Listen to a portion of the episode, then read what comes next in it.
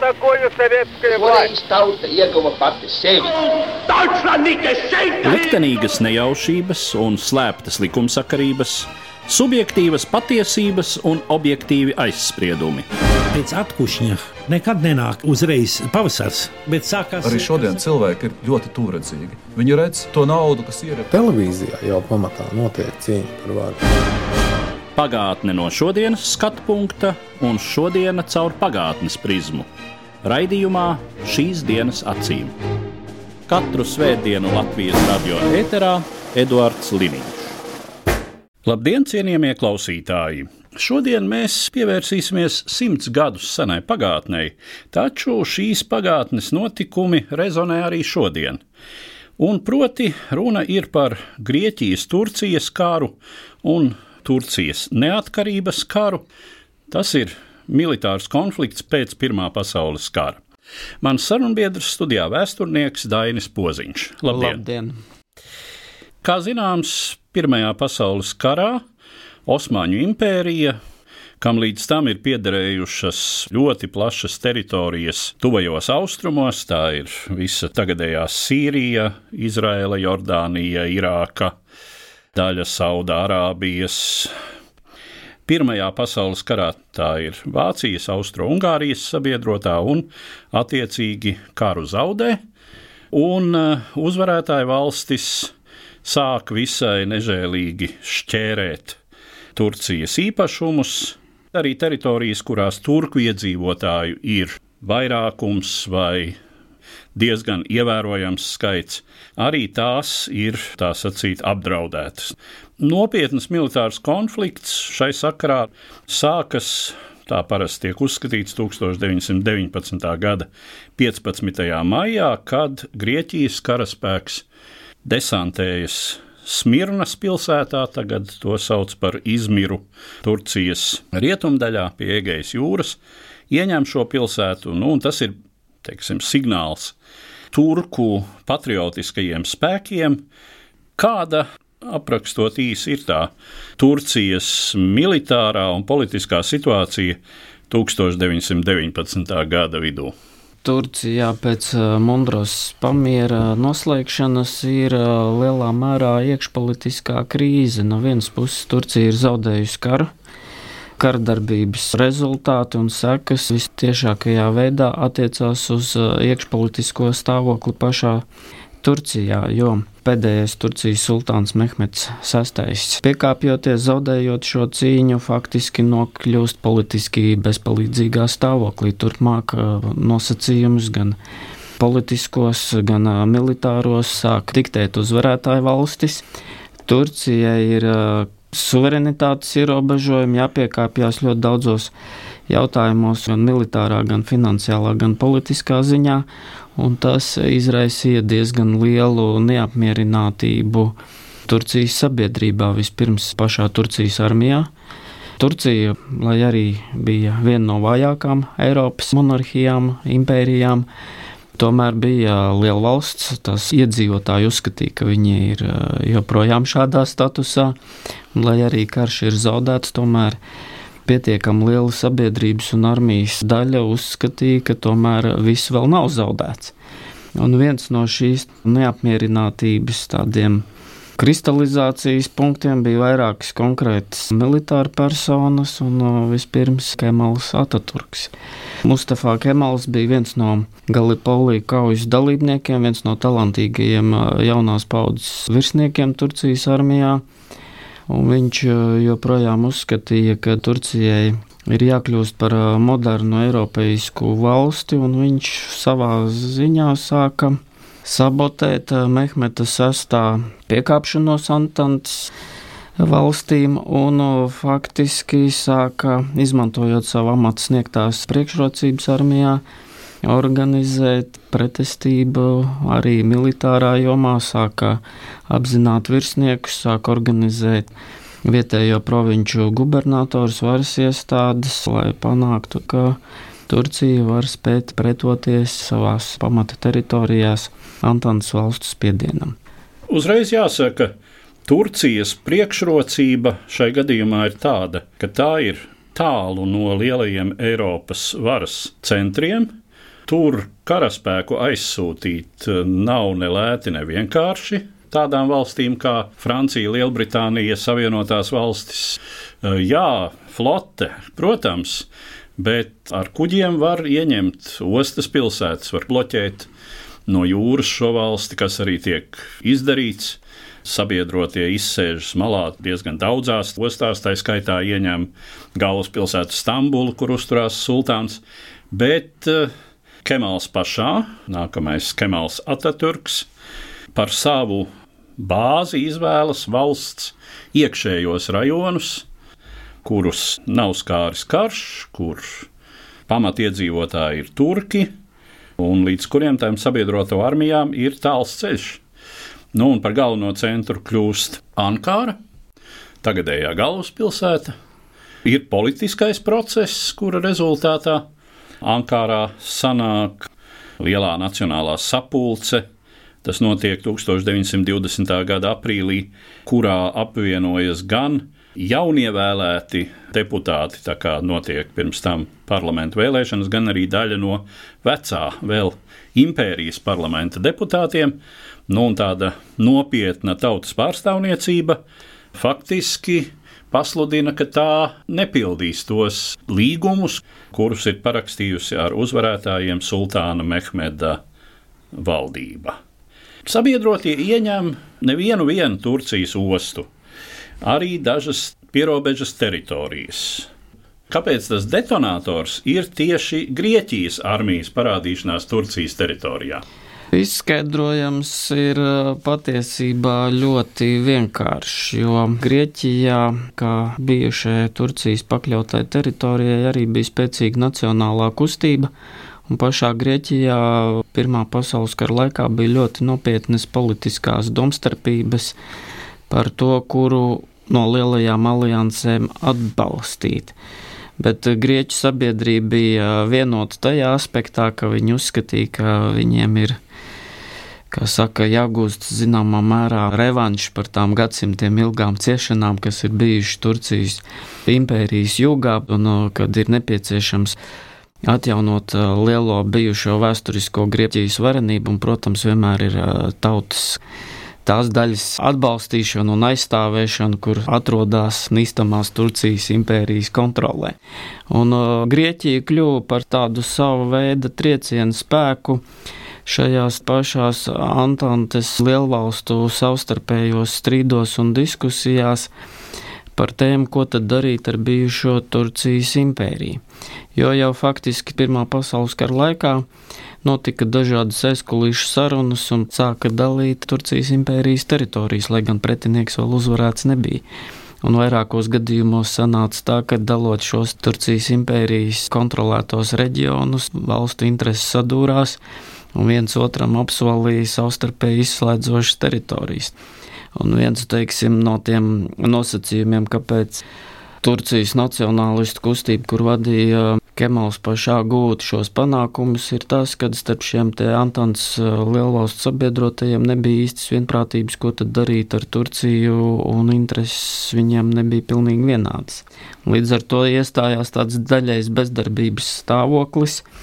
Un Grieķija, cerot uz Lielbritānijas atbalstu, Britu premjerministrs Lloyds Džordžs bija arī apsolījis Grieķu premjeram Venecijam un Grieķijas valdībai tā laikā kaut kādas iespējas izmantot uzvaras augļus.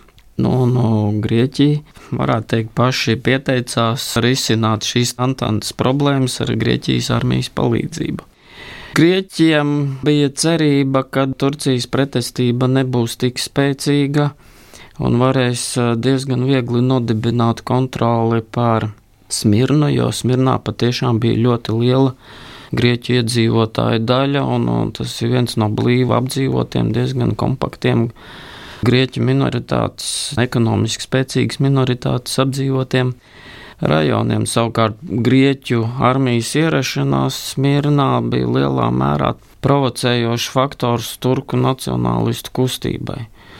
Jo Smirna arī ir teritorija, kas ir vitāli svarīga Turcijas valstī, gan kā spēcīga osta, tur arī bija diezgan liels turku musulmaņu iedzīvotāju daudzums, un, protams, kad ir šādi reliģiskie un etniskie strīdi, tad Grieķu armijas ierašanās bija saistīta ar dažādiem incidentiem, sadursmēm un vardarbību pret civiliedzīvotājiem bija bojā gājušiem. Protams, ka tas stimulēja šo pretestības kustību, un daudzos gadījumos tā bija brīvprātīgo, haotiski organizētas dažādas grupas, kā teica, teiksim, Grieķu armija, tur bandas sirotāji uzbruk Grieķu ciemiemiem un demolē, un tad Grieķu armijai tas ir jāizstāv, un viņi ieņēma zonu ap Smirnu apmēram 100 km attālumā. Un diezgan ilgu laiku, līdz pat 20. gada vasarai, tā situācija bija tādā strupceļa stāvoklī. Grieķija armijai nebija mandāts to kara darbību turpināt, notika dažādas aizkulisku sarunas, kā tad eh, turpmāk rīkoties. Līdz 20. gada vasarā Grieķija ar Britu vairāk vai mazāk tieši morālu atbalstu sāka uzbrukumu pret Turcijas spēkiem, virzoties valsts iekšienē. Sākumā turku pretestība bija ļoti vāja organizēta līdz pat 1921. gada janvārim, kad kaujā pie Inonu Turcijas nacionālistu organizētās vienības sāka izrādīt reālu un diezgan efektīvu pretestību, nodemonstrējot, ka Turcijas nacionālistu spēki ir labāk organizēti Viņi kļūst arī politiskā ziņā daudz svarīgāki nekā vecā bijusī Turcijas valdība. Un viņi jaunie politiskie un militārie spēki ir tie, ar kuriem turpmāk būs jārēķinās. Un tas izšķirošais brīdis faktiski ir 1921. gada augusta vidus, kad apmēram mēnesi pie Sakarijas upes notiek ļoti sīvas kaujas. Tas ir diezgan tuvu jau Ankarai. Un šo kauju rezultātā jaunā Turcijas armija, kur nodemonstrē, ka viņi ir spējīgi aizsargāties. Grieķiem ir diezgan nopietni zaudējumi, lai arī viņi virzās uz priekšu, tomēr tā apgādes ķēde loģistikas līnijas ir garas. Un, lai arī Turki zaudē daudz vairāk karavīru, viņi tomēr spēja apturēt skaitliski lielāko grieķu armiju izsmeltās resursus, un Grieķi ir spiesti sākt atkāpšanos no šīm pozīcijām, kas gal galā vēlāk pārvērtās par strateģisku sakāvi, jo Grieķija nekādā gadījumā nevar uzskatīt par um, industriāli attīstītu vai militāri spēcīgu valsti un tie rietumu sabiedrotie vairs negribēja reāli investēt Grieķijas militārās kampaņas atbalstīšanā.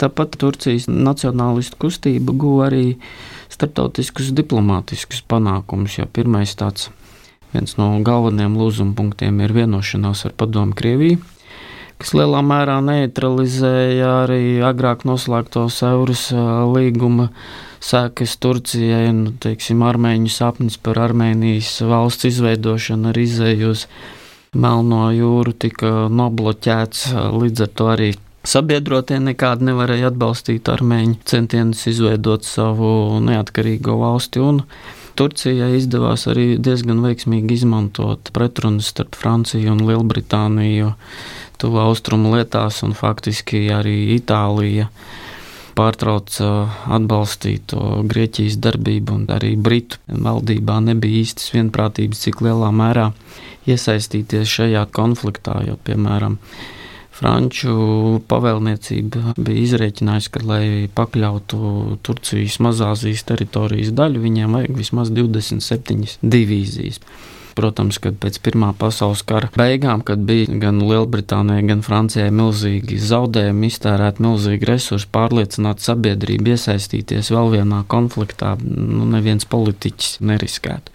Un tas bija viens no tiem faktoriem, kāpēc šajās cīņās Grieķija kaujas laukā bija viena pati pret jauno Turcijas valsti, un Turcijas neatkarības karā starp šiem daudzajiem konfliktiem Grieķija bija viens no galvenajiem, kā saka, ārvalstu spēkiem, bet tajā pašā laikā Grieķijai nav pietiekami daudz resursu, lai šo Turciju piespiestu padoties, parakstīt kaut kādu miera līgumu uz Grieķijas nosacījumiem.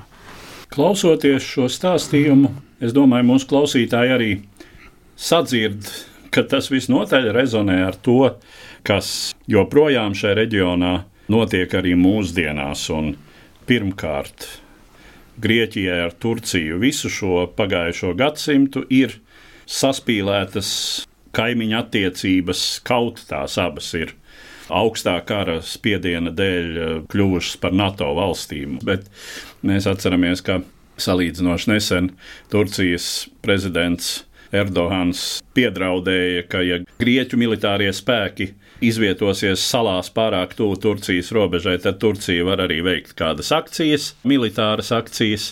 Nu, un, protams, arī Armēnijas liktenis. Te ir jāsaka, ka pirms Pirmā pasaules kara armēņu iedzīvotāju Osmaņu impērijas teritorijā ir ļoti daudz, un pie tam viņi nedzīvo tikai, kā varbūt var iedomāties, kaut kur kompakti Kaukāza tūmā.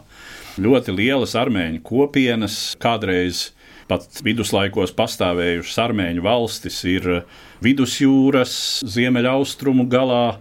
Un lielas armēņu kopienas ir arī šajos Turcijas rietumrajonos, tā pašā Smirnā. Un Līdz ar to Armēnijas valsts robežas tajā brīdī armēņu nācija, kas arī vēlas savu valsti.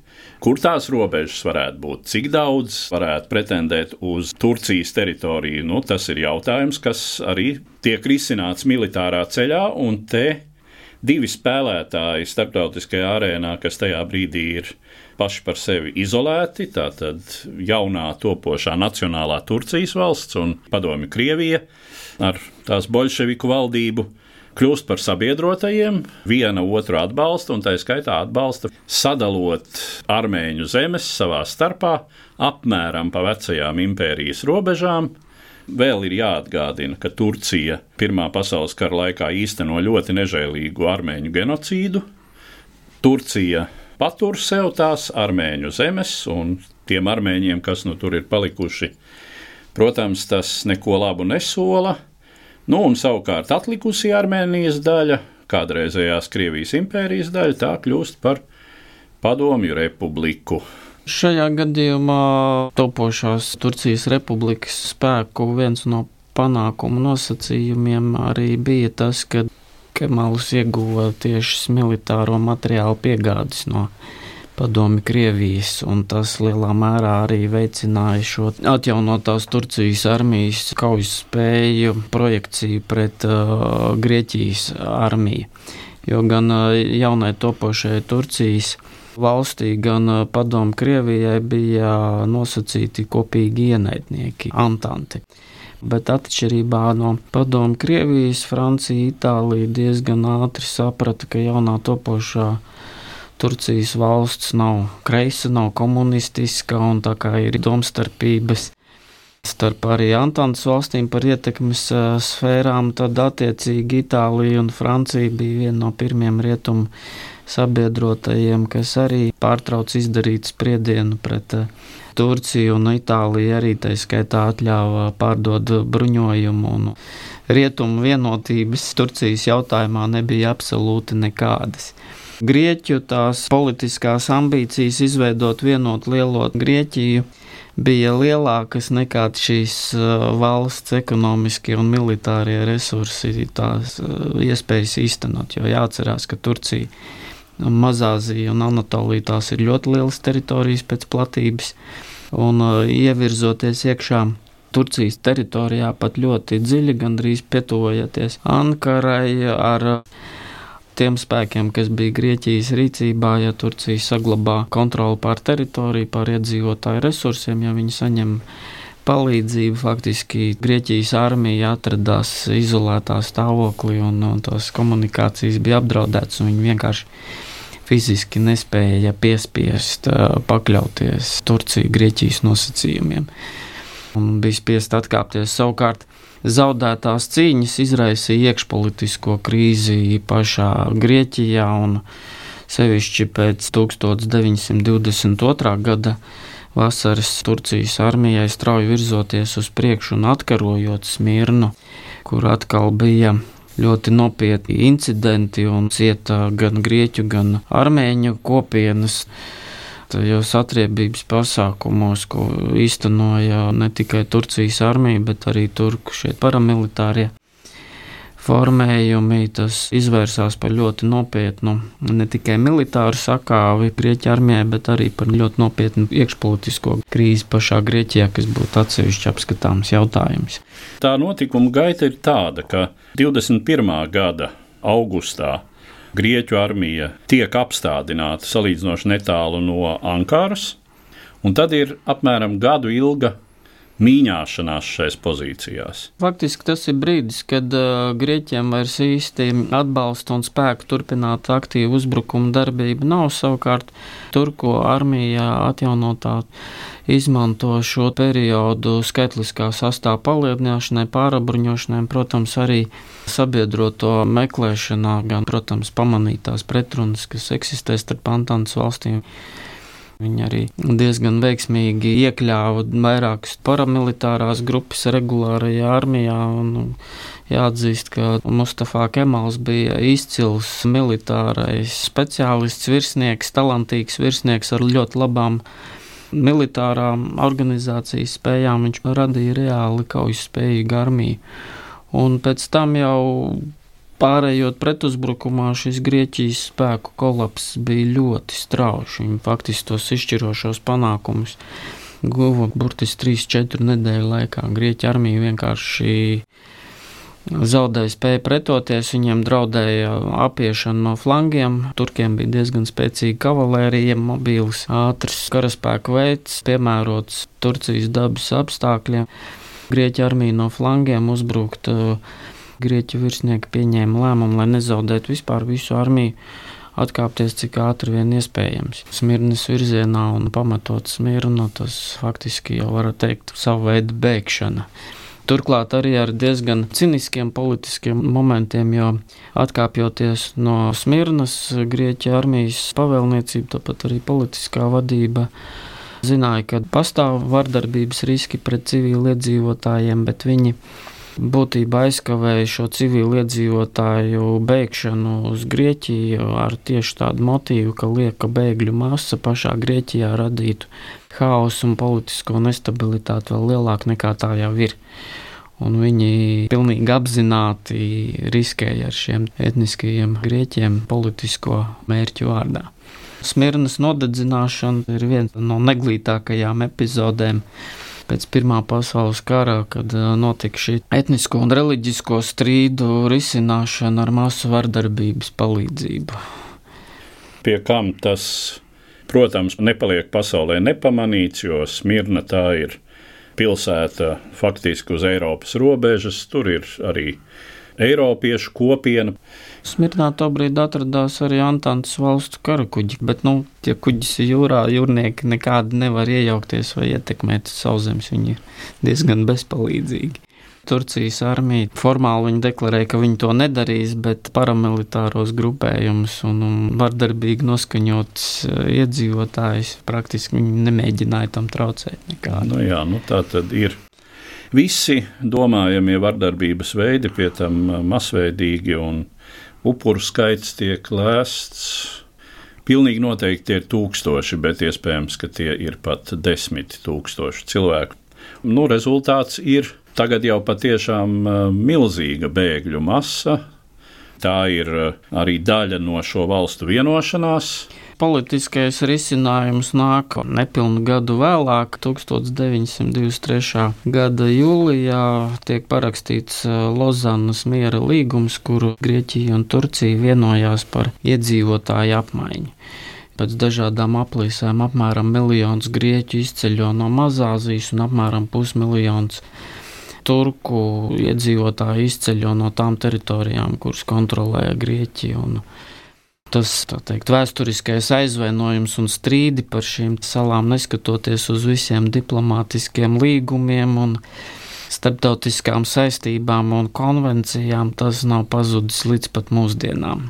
Tas saglabājās un tā pretruna starp bijušo impēriju, bijušo metropolu un bijušajām pakļautajām teritorijām joprojām eksistē, un, un, pie katra izdevīga brīža kāds politisks spēks vai pietiekami harizmātisks līderis, kurš grib uzjundīt vecās kaislības, diezgan viegli var gūt panākumus, un tādas epizodes ir vērojamas gan Turcijas pusē, gan arī Grieķijā. Un tas velkās līdz pat mūsdienām. Visa šī procesa rezultātā Turcija straujā tempā, nežēlīgā situācijā īstenot patiešām revolucionāras pārmaiņas, kļūstot no šīs diezgan arhaiskās un uh, ļoti mokoši modernizēties mēģinošās Osmaņu impērijas par uh, salīdzinoši modernu Eiropeisku valsti, un uh, Kemāls pašā, Osmaņu armijas virsnieks, kļūst par Kemalu Ataturku. Tas ir pseidonīms. Ataturks ir pseidonīms, respektīvi turku tautas tēvs. Nu, izskaidrojums, kāpēc šāda sekmīga reforma notika tieši armijas virsnieku vadībā un kāpēc ļoti ilgu laiku, var teikt, vienīgais tāds nopietnais garants tam, ka Turcija būs sekulāra valsts, bija armija. Izskaidrojums ir ļoti vienkāršs un vēsturiski dziļš, jo faktiski Otomaņu impērijai karojot ar rietumu valstīm vai nonākot konfliktos ar Krievijas impēriju, tieši militāru personām sastopoties ar jaunām tehnoloģijām, bija pirmajiem jāpieņem lēmums, ko tad darīt, kā tad modernizēt. Armiju, ja, ja modernizē armiju, ir nepieciešama rūpniecība un industrija, un viduslaika sabiedrībā, kur ir kontrolēta ar spēcīgām reliģiskām tradīcijām, ir ļoti sarežģīti izveidot modernus bruņotos spēkus armija, virsnieki mācās Vācijā, karskolās, viņi apgūst modernas militārās tehnikas pamatus, un no otras puses viņi redz, ka viņu valsts attīstība, viņu bruņoto spēku attīstība traucē viduslaiku politiskās un, un reliģiskās tradīcijas, un tāpēc varbūt tas Mustafa Kemala rīcības motīvs bija modernizēt valsti, Turciju noliktu vienā līmenī ar pārējām attīstītajām Rietumu Eiropas valstīm, un vienīgais veids, kā to izdarīt, ir veikt eh, radikālas reformas un strikti nodalīt viduslaika tradīcijas un reliģiozos aspektus no modernas industriālas republikas pamatprincipiem. Un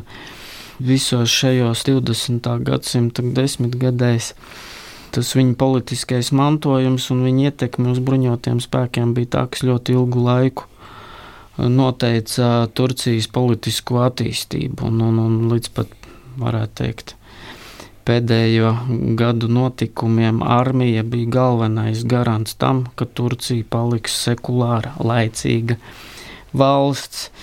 Un te atkal tāds mazliet ironisks moments parādās tajā brīdī, kad no Turcijas politikas tika aizvākta armija it kā aizbildinoties ar demokrātiskiem procesiem, zuda tas spiediens uz Turcijas politisko eliti, ievērot tos sekulāros principus, un Turcijā iekšpolitiskās cīņās atkal tiek izmantoti reliģiozie jautājumi. Un vēsturiskās domstarpības un Turcija faktiski ir uz tāda diezgan savdabīga politiska ceļa šobrīd, kur gala iznākumu un kur tas gal galā aizvedīs, šobrīd prognozēt īsti neņemās neviens. Turcijā var izvērsties ļoti interesanta un ļoti savdabīga e, situācija ļoti dažādos aspektos. Un šobrīd tas ir skaidri jūtams, ka Turcijas politiskā vadība, Turcijas elite, ir gatava izmantot vēsturiskos un reliģiozos motīvus savas politiskās ietekmes atjaunošanai, militārās ietekmes atjaunošanai bijušajās Turcijas impērijas kontrolētajās teritorijās. Ar tādiem secinājumiem mēs arī noslēdzam šo mūsu šodienas sarunu, kas bija veltīta Turcijas neatkarības cīņām pēc Pirmā pasaules kara un es saku paldies manam sarunbiedram, vēsturniekam Dainim Poziņam. Katru svētdienu Latvijas radio viens par pagātni sarunājas Eduards Liniņš.